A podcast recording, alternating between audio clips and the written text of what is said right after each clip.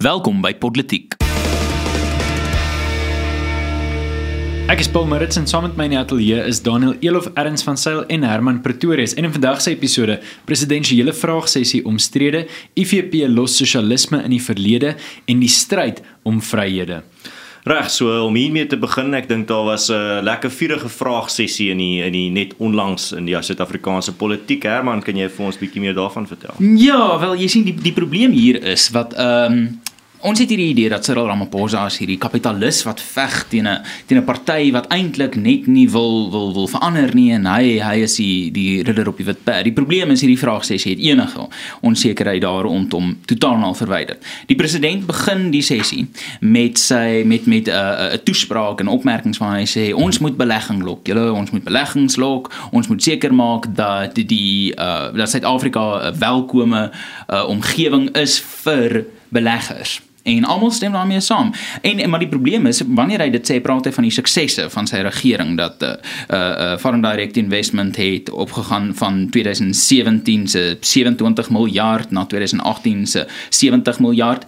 Dit ignoreer die feit dat ons het totale uh, uh, verlies in Suid-Afrika geïnkorporeer gesien het sedert die begin van 2019 van meer as 100 miljard rand. Geld is besig om hierdie land te verlaat. Maar hy begin met kom ons kom ons lok beleggers. Goed en wel, dis wat ons moet doen. In die res van die vraagsessie, wat doen ons geagte president? Hy sê die nasionale gesondheidsversekering plan gaan voort. Hy sê grondonteiening sonder vergoeding gaan voort. Hy hy weier om te sê hy ondersteun of ondersteun nie voorgeskrewe bates om jou pensioenfonds, jou neseiertjie te gaan stroop om Eskom 'n bietjie uit die moeilikheid uit te help nie. En hy sê nie net nie ja of nee nie. Op 'n punt sê hy wel Dit het al gewerk en dit moet deel vorm van die gesprek. En op 'n ander punt in die in reaksie op die EFF sê hy ja nee, ons stem die ANC stem heeltemal saam met die EFF.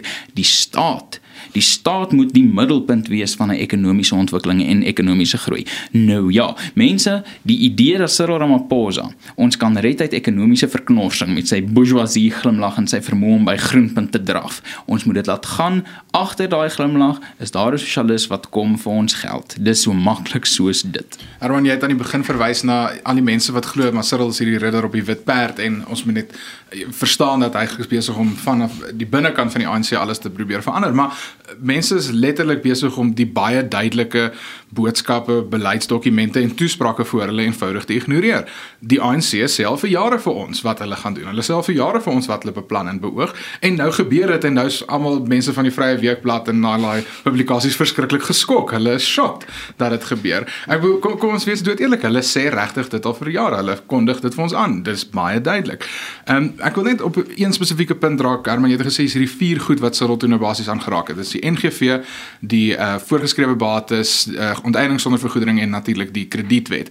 Nou oor die voorgeskrewe bates, al kyk al vier hierdie goed is verskriklik sleg en al vier kan op sy eie 'n absolute doodskoot dink ek wees vir die Suid-Afrikaanse ekonomie. Mm. Maar uh, die voorgeskrewe bates is ek dink dit alles kom eintlik neer op op onteiening. Dit is my argument ja. wat ek sou gemaak het. Op die ouene is dit eenvoudig ons vat eiendom van ander mense om dit vir die staat te gee om die staat te probeer verryk. Selfs met die voorgeskrewe bates. Wat basies gebeur is die uh, pensioenfonde in Suid-Afrika word baie baie goed en baie streng gereguleer. Met ander woorde, daar was voorgeskrewe uh, jou pensioenfonds moet in voorgeskrewe plekke belê word sodat dit stabiel kan wees. En wat hierdie verandering basies sê is dit hulle hulle sê dat ons gaan gaan en ons gaan hierdie voorgeskrewe bates belê in uh, regerings uh, dit bonds. Ek is nie presies seker wat se Afrikaans vir dit nie. Maar wat basies hulle met daai bonds gaan doen is dit gee meer geld vir die regering om plekke soos Eskom te gaan uh uitbetaal met alle skuld af te betaal en dit te probeer red wat ons weet uit die aard van die saak nie gaan gebeur nie want die probleem is nie om meer geld in die uh, te gooi in Eskom se rigting nie. Dis eenvoudig om intern Eskom en die SAL al hierdie plekke te probeer verander. Geld is nie die oplossing nie. Dit is baie interessant. Een van die vernaamste denkers van die 20ste eeu op, op um, politiek en ekonomie was John Rawls en John Rawls het hierdie idee gehad van die kapitalistiese welsynstaat. En aanvanklik dink ek dis wat president Mandela probeer regkry, reg? So jy het 'n klomp mense wat eintlik die vryheid het om baie ryk te word, maar hulle word verskriklik hoog belas sodat daar herverdeling kan plaasvind. Natuurlik oor herverdeling het ons ons het ons 'n baie spesifieke standpunt, elkeen van ons afsonderlik, maar dalk ook gesamentlik. Die interessante punt is ons, ons kom nou op 'n plek waar 'n mens eintlik met sê Cyril Ramaphosa oortree die ANC se aanvanklike 94 gedagte lankal, want hy vat die kapitalistiese welsynstaat weg en wil dit eintlik maar in 'n ten volle sosialisme inbring. Die hele idee was, ja, ek gaan baie belasting betaal en ek besef dit, maar ek het die vryheid om in Suid-Afrika superryk te word. En dis hoekom ons nog steeds 'n klomp mense gehad het wat na Suid-Afrika toe geëmigreer het in die afgelope 25 jaar. Mense wat gesê het, weet jy wat daar is uitdagings, maar ek kan hierso my fortuin kom maak. En dis daai mense wat nou begin gaan. Dis daai mense wat nou sê, um, en en die eenvoudige rede daarvoor is net bietjie mense kan 'n paar vinnige video's daar gaan kyk om die verskil te verstaan. Maar 'n kapitalistiese welsynstaat is 'n plek waar ja, jy betaal regtig baie belasting, maar jy het hierdie vryheid en en jy kan regtig, jy weet jou belegging is veilig en die, die groot die swaar belasting is eintlik jou enigste las. Mm. En nou kom jy op 'n punt waar jy kan nie meer regtig jou jou jou skat kom maak in mm. Suid-Afrika nie. Hoekom sal jy dan bly? En die eenvoudige antwoord is die Oppenheimers en die Ruperts begin hulle geld skuif. Ehm um, Naspers gaan nou noteer binnekort uh, hulle volgende maatskappy in Amsterdam. Uh, as as ons eie mense nie eers bly nie, hoekom gaan ander mense hier toe kom? Nee, kyk, die probleem is dat uh die voorgeskrewe bates kwessie soos wat Daniel en jy Paul reg gesê het is is 'n groot probleem. As uh hierdie uh, uh as Eskom en SAL en wat's dit uh state owned enterprise kan nie die Afrikaans onthou nie. Ehm um, SOEs, verskoon my mense. As hierdie organisasies, hierdie enterprises sinvolle beleggingspunte in die eerste plek was, dan was voorgeskrewe bates nie nodig nie. As die regerings eenvoudig hulle werk kon doen, hulle monopolie kon gebruik om geld te maak. Mense, dis ongelooflik moeilik om 'n verlies te maak op 'n monopolie. Dit jy jy kort 'n spesiale tipe toewyding tot nutteloosheid en absolute wandenke om 'n verlies te maak op 'n monopolie soos Eskom. So hier sit ons nou en as hulle eenvoudig net hulle werk gedoen het, dan sou mense wou belê waar hulle nou wil hê mense moet hulle bates gaan sit. En Paulus op daai ding van die die geld is besig om te praat, daar was nou die dag inligting wat uitgekom het dat op hierdie stadium is daar per maand ek dink 3000 Suid-Afrikaners wat hierdie land verlaat. Die meerderheid is swart middelklas Suid-Afrikaners. Ons belastingbasis is besig om te krimp teen 'n ongelooflike vinnige spoed. En as ek 'n laaste punt kan maak op daai op, op op wat Mandela en wat die Mandela en Mbeki jare gekenmerk het in terme van ekonomiese beleid, was dit die geerplan. Nou, toe die ANC aan bewind kom in 94 was hierdie land nagenoeg bankrot. Uh die die 80s het hierdie land regtig regtig uh, gebankroteer en die, die nasionale party dink ek was maar net te bly hulle hoef nie te gesit het met die kastanjes in die vuur nie. Die ANC moes toe uit blote noodsaaklikheid 'n kapitalistiese benadering volg. Die staat kon nie bekostig om te die die staat kon eenvoudig nie die sosialisme uh, van die Freedom Charter en van die ANC histories bekostig nie. En wat sien ons in daai jare? Wat sien ons van die laat 90s tot die middel 2000s? Ons sien Suid-Afrika se ekonomiese groei wat tred hou met die internasionale tendense. Wat sien ons nadat president Zuma en die linkse se kabinet oorneem by Polokwane? Ons sien 'n totale uitvalling tussen die groei van BBP internasionaal en Suid-Afrika se BBP groei. So ek bedoel Paulus is heeltemal reg as jy sê dat Mandela het het, het 'n groot kapitalistiese uh, uh, uh, raamwerk moes skep en hulle sien dit daarvan af en die resultate is 'n verrassing vir absoluut niemand. Ja, en miskien net 'n laaste ding om by te las. Uh die wêreldse ekonomie is nou nie regtig asof die uh, ons bootjie saam met die gety gaan skuif nie, uh of gaan uh styg nie. Ehm um, Duitsland het in die tweede kwartaal hulle ekonomie met 0.1% gekrimp. Uh, selfs een van die model-ekonomieë Singapore het nou hulle groei prospects gesny van 3% na 1.5% toe. Uh, ander ontwikkelende lande soos Turkye byvoorbeeld en Argentinië is besig om baie ernstig te sukkel en dit is alles maar met die te doen met die groot handelsoorlog wat aan die gang is tussen China en Amerika. So dit is nie asof dit net uh, Suid-Afrikaanse faktore is nie. Ons is in 'n ongelooflike onseker en chaotiese uh ekonomiese tydperk op die oomblik en dit help definitief vryf en 'n bietjie sout nog in ons wonde. Hmm. Net net ter afsluiting. Ehm um, hierdie is eintlik maar alles dink ek net al meer uh, uh verstaan stelselmatige sosialisme wat al meer inkruip. Uh soos ek aan die begin gesê het, al vier hierdie beleide, beleide NGV, nasionale kredietwet, onteiening sonder vergoeding en uh die die voorgeskrewe bates is onteiening. Dis gaan en vat eiendom wat iemand andersin is en vat dit vir die staat en die staat sê dis onder die vaandel van uh, verstaan aan herstelling of ekonomiese vooruitgang of wat ook al. Ehm um, die die kredietwet is weer eens geldvat. Dit sê vir die banke, julle hierdie geld wat julle vir mense geleen het, julle mag nie meer dit terughuis nie. Dis onteiening. Die NGV is, hoor die julle wat privaat mediese sorg het, ons hou nie daarvan dat julle dit het dat julle ander sorg kry as die res van die openbare gesondheidsorgstelsel nie. Julle mag dit nie hê nie. Ons ontneem dit. Ehm um, selfs met die voorgeskrewe bates, julle het pensioenfonde, ons wil dit graag gebruik vir ander doeleindes. Julle mag dit nie hê nie. Onteiening sonder vergoeding, daar's grond wat ons nie het nie. Ons wil dit graag hê. Ons gaan dit by hulle ontneem. Hmm. Dis regtig op die ouene net waarop dit neerkom. Dis 'n absolute kerneienskap van sosialisme is onteiening vat mense se goed wat wat nie hulle sin is nie. Maar nou ja, dit is natuurlik die sosialisme wat Suid-Afrika in die gesig staar. Maar daar is partye in Suid-Afrika wat ten minste op papier 'n standpunt inneem teen sosialisme. En dit bring ons sommer mooi by ons tweede onderwerp vir vandag se bespreking. En dit is die Inkatha Vryheidsparty wat die afgelope week eerstens 'n 'n nuwe leier aangekondig het wat 'n groot oomblik was nadat uh, Boetolesi vir jare 'n baie gesogte figuur was in die party en in Suid-Afrikaanse politiek. Nou het hulle 'n nuwe leier aangestel en by hierdie einste konferensie wat hulle gehou het, het die IFP toe nou sterk standpunt ingeneem teen sosialisme. Nou ek ek dink daar's een van twee moontlike roetes wat die IFP kan volg sou hulle of strategie ten minste as hulle wil ondersteuning in Suid-Afrika kry. Hulle kan of sê dat hulle wil 'n Zulu nasionalistiese party wees. Met ander woorde versterk hulle basis en besluit kom ons kry ons ondersteuning in KwaZulu-Natal en onder die Zulu gemeenskap sterker. Natuurlik het dit 'n bietjie meer van 'n plafon. Die ander een wat hulle kan sê is hulle kan besluit kom ons wees 'n tradisionele konservatiewe party, 'n klein regerings konservatiewe party wat nie rassig is nie. Met ander woorde, hulle brei hulle basis uit en hulle neem sterk standpunt in teen basies al die ander partye in die land. Ek sou argumenteer buiten wat ten minste die groot partye buiten die Vryheidsfront Plus wat sê ons gaan nie rassig wees, ons gaan pro die vrye mark wees en ons gaan standpunt inneem teen sosialisme in Suid-Afrika. Dit is die ander roete wat hulle kan volg en ek dink dis die roete wat die meeste suksesvolle inhou. So Wellenkosi Klabisa is die die naam van die nuwe leier en hy het vir omtrent 4000 lede van die party ehm um, het hy gesê dat dat snaaks genoeg een van die belangrikste goed vir hom is ook dissipline binne in die party. Uh, ek is nie so bewus daarvan dat dit noodwendig so groot probleem binne die IFP is nie, maar dis duidelik iets wat hy wil aanspreek. Verder as dit Daniel, my my gevoel goed en hy, ek besef natuurlik mense wil die nuus regverdig deurgee, maar as mens kommentaar kan lewer, dan dink ek, goed, ons het hierdie idee van eenheid in die reënboognasie het ons nou regtig probeer en met Marita, ek ek jy weet, ek, ek dink dit sou onnodig wees om te sê daar was geen suksesse nie en dit sou onregverdig wees. 'n Klomp goed is reg gekry, maar ek dink nie dit is Suid-Afrika se toekoms nie. Ek dink ons toekoms lê daarin dat ons moet besef dat die enigste manier hoe ons as 'n eenheid gaan kan funksioneer is dat ons moet erken dat daar verskille is. Gemeenskappe behoort krag te kry om vir hulle self sekere besluite te maak en ek dink dit moet er, dit moet redelik ontstellend wees vir die Zulu gemeenskap vir al jou tipiese IFP stemmer dat dat persone in Johannesburg en in Pretoria en in Kaapstad vir hulle wil sê en wat se taal hulle kinders moet skool gaan van graad 4 af. Ehm um, en my gevoel ek ek noem dit prontheid maar ek dink as daar bietjie aan daardie kant hierdie Zulus geleide gemaak word dan mag dit moontlik wees dat daar bietjie meer Afrikaanse vryhede is. Uh ek is nog altyd pro die feit dat 'n gemeenskap vir homself moet kan besluit en ek dink dis hoekom Switserland so stabiel is vir vir bykans 5 eeue. Hulle wys dat dit werk dat 'n gemeenskap van 100 000 of minder, dat 5000 mense vir hulle self kan besluit.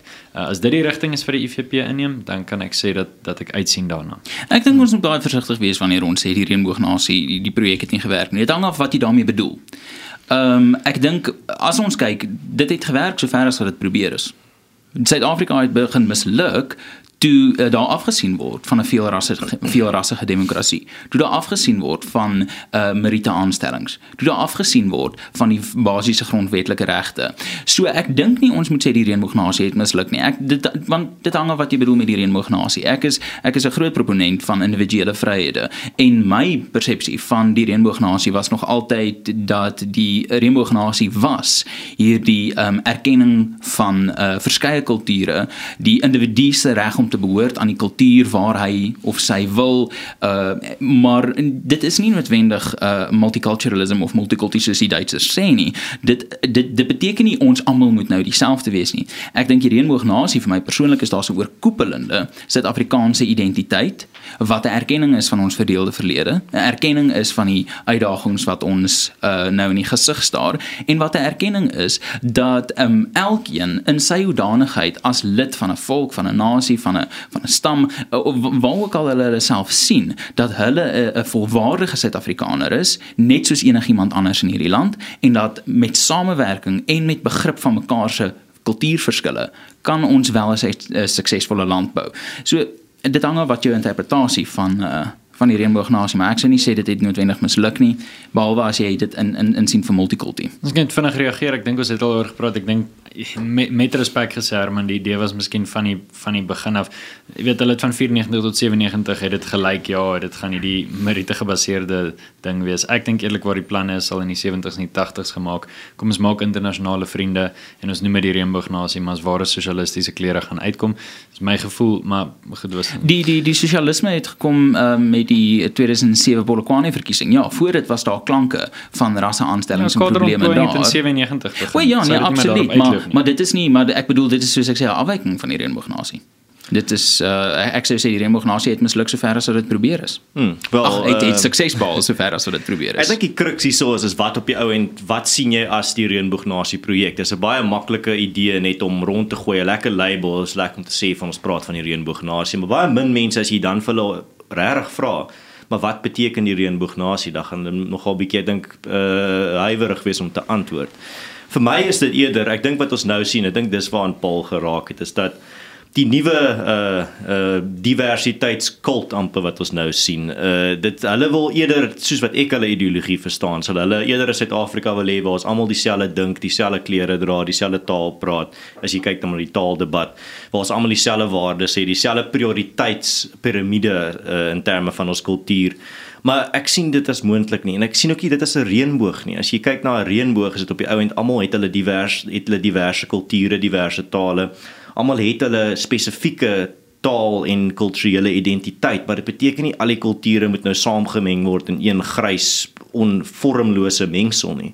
Almal kan nog steeds en ek dink wat dan die kruks raak is ons moet teruggaan eintlik na die ware betekenis van verdraagsaamheid waar dit beteken dat jy hoef nie alle kulture rondom jou net heeltemal te sê ek daar's niks wat ek daarmee fout vind jy daar's niks wat ek nie miskien oor saamstem nie daar's geen verskil tussen my kultuur en hierdie ene nie. Eerder sê ja daar's verskille maar ek verdra dit en ek probeer verstaan hoekom daar verskille is. En ons probeer eintlik saamwerk as 'n span. Eerder as wat ons dan sê maar al die rugby spelers op die veld het presies dieselfde talente hulle speel almal dieselfde posisie elkeen van hulle speel hakker elkeen van hulle kan stut speel. Eerder sê ons nee elkeen het sy eie uh, uh, wêreld uitkyk, sy eie ware stelsel, sy eie prioriteitspiramide. En ek dink dit sal regtig naïef wees en ongelooflik idealisties om te dink dat jy mense uit daai die manier wat die mensdom al vir duisende jare geleef het, hmm. ewe skielik nou uit dit uit te ruk en te sê maar ons het nou 'n nuwe pad gevind. Ons het die ware natuur van die mens gevind en ons almal moet nou konform tot daai ware natuur. Almal hierdie is die is die fondasiewaardes van die hmm. mens. Hierdie is die amper soos die default kultuur van die mens. Hmm. So ons moet al hierdie verskille probeer uitwis en dit sal op die ou end uh dat daar geen meer friksie of geweld of enige uh stryding is nie. Maar ek dink dit is ongelooflik idealisties en op die ou end dan soos ek gesê het en dis waarom ek wil afsluit is as jy daai pad volg op die ou end gaan jy die reënboog vernietig. Daar gaan nie meer 'n reënboog wees nie. Daar gaan net 'n absolute vormlose massa van niks wees nie waar hmm. niemand waar elkeen so erg uh identiteitloos en uh identiteitloos is dat hy hy weet nie meer waar hy inpas nie. Hy's maar net 'n nommer in 'n 'n lys van van mense en hy het nie meer 'n kulturele identiteit nie. Hy het nie meer 'n taalidentiteit nie. En op die ou end dink ek gaan dit ons gaan soveel verloor van wat ons oor duisende jare as 'n spesies opgebou het. Daai ongelooflike diversiteit wat die wêreld die ongelooflike plek maak waar dit is, waar mense vir 'n sekere rede Duitsland toe as 'n toerist wil gaan of Indië toe wil gaan of Japan toe wil gaan om daai spesifieke kultuur te gaan ervaar en te wil sien hoe daai mense die wêreld ervaar en hoe hulle die hierdie ongelooflike chaotiese wêreld bietjie orde daarin gekry het maar op 'n verskillende invalshoek as ons. Kyk, en as ek ek hoor ek hoor wat jy sê en ek stem tot 'n mate saam. Daarmee die ek dink ons al vier hier om hierdie tafel is is aanhangers van federalisering dat elke gemeenskap sy die geleentheid kry om sy plekjie onder die son hier in Suid-Afrika te hê. My my vrees is net ek's bang ons ons vat nou hierdie die absolute postmoderne sosialisme wat ons sien in Suid-Afrika wat presies wat jy sê wat eintlik net almal wil laat uh, uh, in een groot groep vorm en ons voeter oor na die ander kant toe waar ons absolute isolasie voor staan. Want byvoorbeeld ek ek dink kyk natuurlik self kultuur selfbeskikking dink ek is ons vir almal belangrik. Ons voel almal behoort die regte hê om te besluit, weet jy wat, ek wil daar een kant op my eie in my gemeenskap gaan woon. Dis heeltemal hulle reg om dit te doen. Maar daar behoort ook uh, uh, daar's baie te sê dink ek ten minste vir uh, ideologiese selfbeskikking vir mense om te besluit wat weet jy wat, ek wil as 'n uh, ideologie of as 'n denkwyse of as 'n geloof gaan uh, selfbeskik in my gemeenskap vorm. Daar behoort ook ruimte te wees om te sê ek wil selfbeskik in 'n multikulturele samelewing. Ek wil gaan selfbeskik in Pretoria of Johannesburg waar daar 'n groot diverse groep mense is, waar daar waar daar is want kom ons wees eerlik met mekaar, nie almal het net in hierdie gemeenskappe groot geword waar dit net Zulus is of net Khoisas is of net Afrikaanse mense is nie. Meeste Suid-Afrikaners het al klaar in hierdie diverse samelewing groot geword en dit is wat hulle ken. Die punt is net hulle behoort ook daai geleentheid gegee te word. En dis waar ek sou sê ek net uh, amper 'n rooi vlaggie sou opsteek is om te sê kom ons wees net versigtig om te sê die reënboog kan net bestaan wanneer al die kleure op hulle eie funksioneer. Daar's natuurlik plekke waar die kleure gaan oorvleuel en daar moet ook gegin vir daai mense ten minste die ruimte gegee word om te bestaan. Ja, ek dink dit is 'n mooi fyn balans, net daar daar's hierdie idee dat jy het jou kulturele vryheid en dan het jy natuurlik die wat die wat die Romeine sou noem die die fora, die weet die die openbare ruimte. En die openbare ruimte dink ek weet dit maak tog sin. Die rede hoekom jy van die sterkste voorstanders van Afrikaans ook maar baie keer in Engels tweet, ook maar baie keer in Engels skryf is want hy besef dat hy deel is van hierdie groter geheel. Uh Pole en Japan wat 99% homogeen is, is nie um, is nie die norm nie. Nou ja, gepraat van die vryhede op individuele vlakke, maar ook die beperkings in die openbare ruimtes bring dit ons by ons volgende onderwerp. Uh erns, uh daar's dinge wat hierdie week wapper en dinge wat hierdie week nie meer wapper nie. Wil jy vir ons uitbrei uh op hierdie onderwerp? Uh nee, ek sal definitief sal moet want daai was 'n uh, baie 'n baie gladde oorgang na hierdie onderwerp toe. So hierdie uh, laasweek het die Johannesburgse Hooggeregshof um beslis dat om sonder goeie rede die ou vlag van Suid-Afrika te vertoon haatspraak is. En dit was op die versoek van die Nelson Mandela verstig uh, stigting. Die Nelson Mandela stigting het uh, ook vir AfriForum as 'n respondent tot hul aansoek gevoeg en die organisasie het aan het dit aanvaar as deel van hulle toewyding tot beskerming van vryheid van spraak. En sommer net 'n ander storie wat daar bylas dat ons die volle prentjie kry, 'n ander storie wat ook sosiale media aan die brand geslaan het. Daar was 'n paar uh kiberbande wat gebrand het uh was dat die Nelson Mandela uh, stigting wil nou vir AfriForum se erns roet straffelik vervolg omdat hy 'n prentjie van die ou vlag op Twitter geplaas het met die akademiese vraag did I just commit hate speech? Uh Daniel het jy enige ander uh wat kan jy vir ons sê waar ons op die oomblik hierso staan van jou regtelike oogpunt? Ja, so ek, net net uh, soos hulle sê in Engels full disclosure van my kant af, uh, ons is die prokureurs van rekord namens Ernst en Afriforum in hierdie hofgeding gewees en ook nou in die minagtingsaansoek. Ehm um, ek wil net uh, voordat ek sê presies wat die status is van hierdie saak, sê dat die die die probleem met die uitspraak is dat dit nie gesê dat son, dat die vertoning van die vlag sonder goeie rede is haatspraak nie. Dit het gesê enige vertoning van die vlag en ek dink dis juist die probleem. Alhoewel die Nelson Mandela Stichting gevra het vir nie sonder goeie rede nie. Hulle het gesê gratuitous in Engels. Ehm um, het die hofbevinding en en het die regte president Mojapelo toe verder gegaan. Gesê enige vertoning daarvan is haatspraak. Ehm um, wat wat nou sedertdien gebeur het, die uitspraak het plaasgevind. Adams het sy tweet getweet en ehm um, die Nelson Mandela Stichting het toe nou 'n minagtingsaansoek gebring en dit word nou volgende week Dinsdag aangehoor.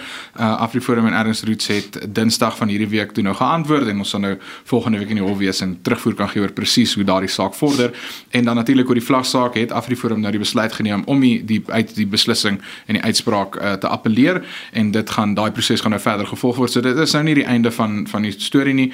Ehm um, dit beteken die saak gaan nou verder gaan en ek dink dit is goed dat dit verder gaan want uh, dit ek dink hier is 'n baie belangrike vraag wat nie net deur 'n Hooggeregshof beantwoord behoort te word nie. Dis 'n vraag wat deur die hoër howe uitgeklaar moet word en is 'n gesprek wat meer genuanceerd is as eenvoudig ons moet die vlag waai of ons moet dit nie waai nie. Daar's natuurlik 'n fyn balans tussen die uh, uh aan die een kant vryheid van spraak en aan die ander kant haatspraak. Vir my knop drie punte uh, en ek sê dit in 'n spesifieke volgorde en ek gaan myself ten volle oor uitlaat en dan is dit dit.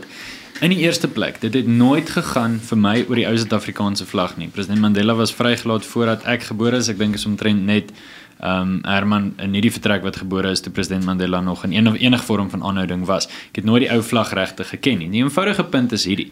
Ehm um, dit gaan nie oor die spesifieke vlag. Dit is nog nooit my landsvlag nie. Ek het nie enige gehegtheid aan die geskiedenis van die vlag nie. Ja, goed natuurlik dit verteenwoordig 'n klomp goeters en daaroor kan ons nou lank land en sand praat. Dis nie die punt nie. Die punt is uh, waar trek jy die streep van uh vryheid vryheid van spraak vryheid van uitdrukking. Ehm uh, dit lei my na my tweede punt. As ons op die aanname gaan dat ons sê hierdie ding moet verban word want hy gee aanstoot, dan moet ek vir jou eerlik wees, daar's min min dinge in die wêreld wat nie aanstoot gee nie. Ek persoonlik vind vreeslik aanstoot um, met byvoorbeeld die die kommunistiese tekens die hamer in die sirkel. Ek vind verskriklik aanstoot by 'n klomp vlae van Afrika lande wat wat al verskriklike uitsprake gemaak het amptelik teenoor wit mense in Suid-Afrika. Um, beteken dit daai vlag moet verban word? Wat impliseer dit? Bring my by my derde en opsommende punt. Ons moet onthou wat Jordan Peterson begin verlede jaar of einde 2017 vir Cathy Newman gesê het. Hy het gesê vir ons om enigstens intellektueel vorentoe te gaan, behoort ons albei wanneer ons in 'n gesprek ingaan, bereid te wees om aanstoot om om aanstoot te ervaar. Vir ons as gemeenskap om vorentoe te gaan. As jy na teruggaan na Sokrates toe waar die hele ding begin het, hy het vir mense gesê, "Hoekom glo jy wat jy glo en waar kom hmm. dit vandaan en is jy seker daaroor?" En as ons op 'n punt kom dat ons vir mense die reg ontneem uh om vra te vra en om ondersoekend om te gaan met die feite stelle om ons. Dan is ons besig om die westerse kultuur se wortels af te sny en dan gaan ons die skaduwee van die westerse kultuur wat ons geniet nie meer baie lank geniet nie.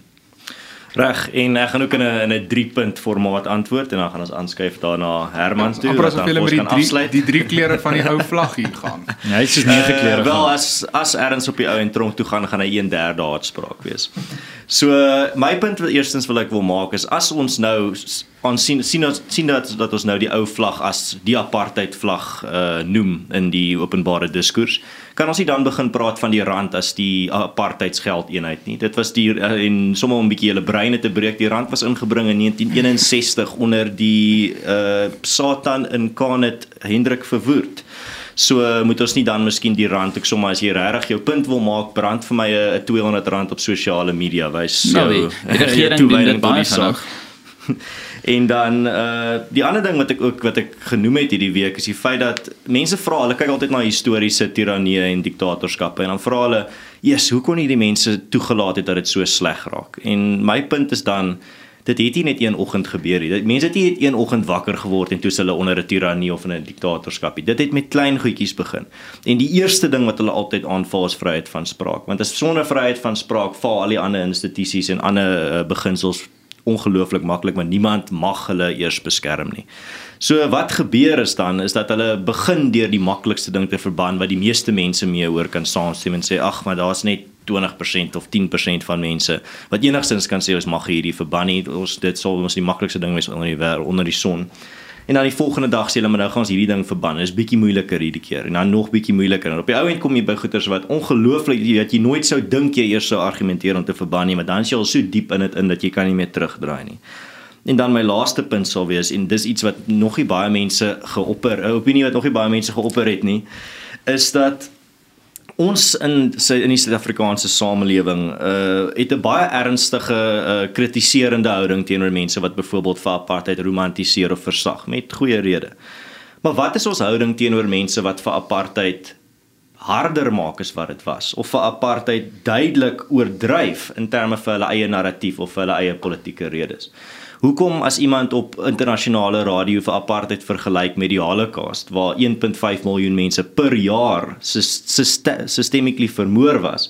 Hoekom uh, lig meer mense in hulle wenkbroue en sê maar dit is 'n absolute verwronging van die geskiedenis nie. Ons kan nie vergeet waar ons vandaan kom en ons geskiedenis so verwrong net vir 'n politieke narratief nie. So dis dan die vraag waarop ek wil eindig is dat hoe hoe hanteer ons ons ek weet hoe mense hoe ons mense hanteer wat die geskiedenis herskryf in terme van apartheid romantiseer.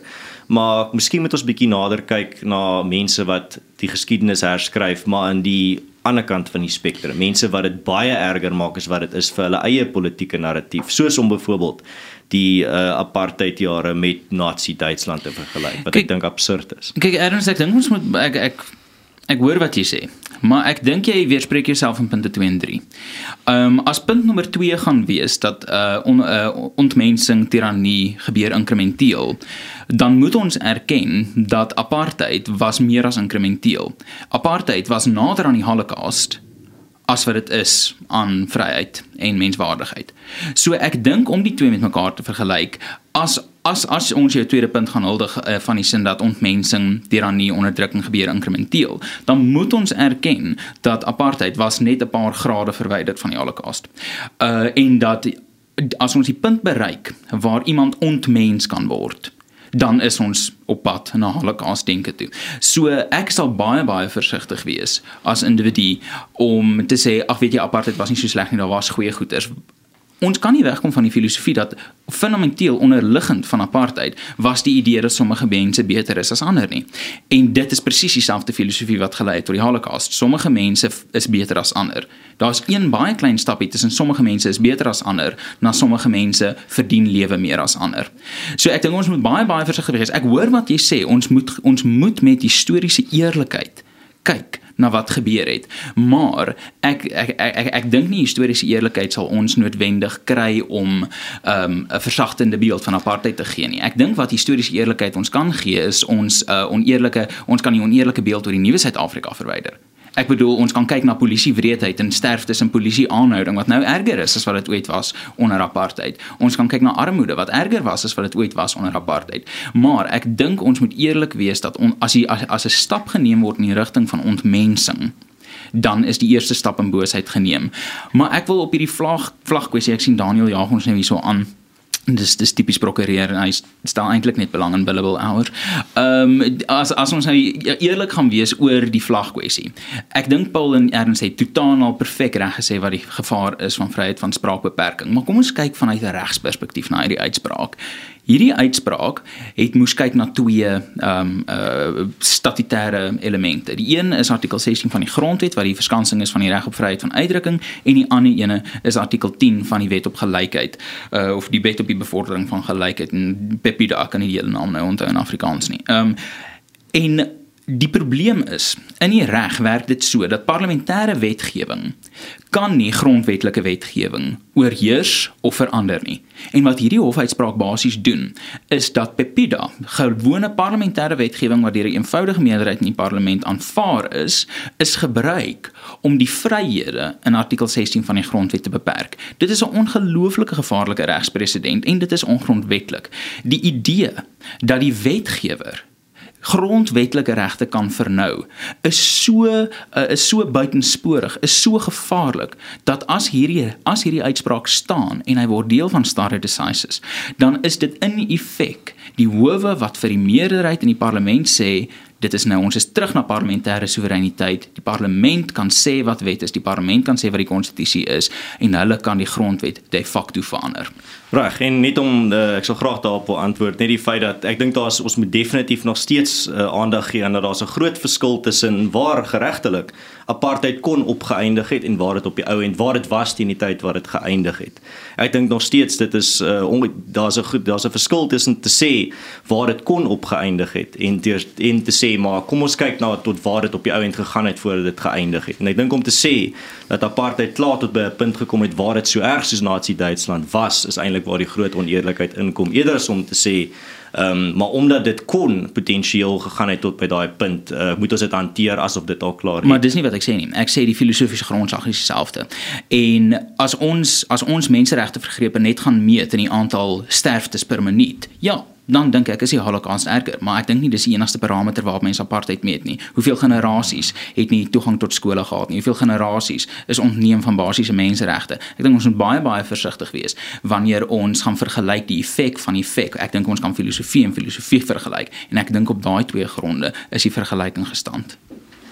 Goed. Uh kom ons uh gaan sommer dadelik oor net na 'n vinnige blink aan bo. Uh van my kant af wil ek net baie dankie sê aan al drie van julle wat uh my so beskerm op Twitter terwyl ek op die besig en besig is om in ballingskap te wees. Um, die vele wat nie weet nie, Daniel is geblok as gevolg van absurditeit. Besoek gerus ons sosiale media en lees meer daaroor. Nou ja, Uh van my kant af soos vryheid van spraak nou ook uh in Suid-Afrika tot 'n einde gekom het, het hierdie episode tot 'n einde gekom. Ons nooi jou as luisteraar uit om lekker verder te ontnonsens hierdie gesprek voort te sit. Asseblief uh, neem deel in die kommentaarafdeling. Ons geniet dit altyd om saam met julle te gesels. Gaan ou van ons Facebookblad, volg ons op Twitter, kyk na ons foto's op Instagram. Ons glimlag altyd pragtig vir julle en uh natuurlik kan julle ons gerus ondersteun op Patreon. Dit sal help om die grootste Afrikaanse politieke potsending ook op video te kry. Tot volgende keer.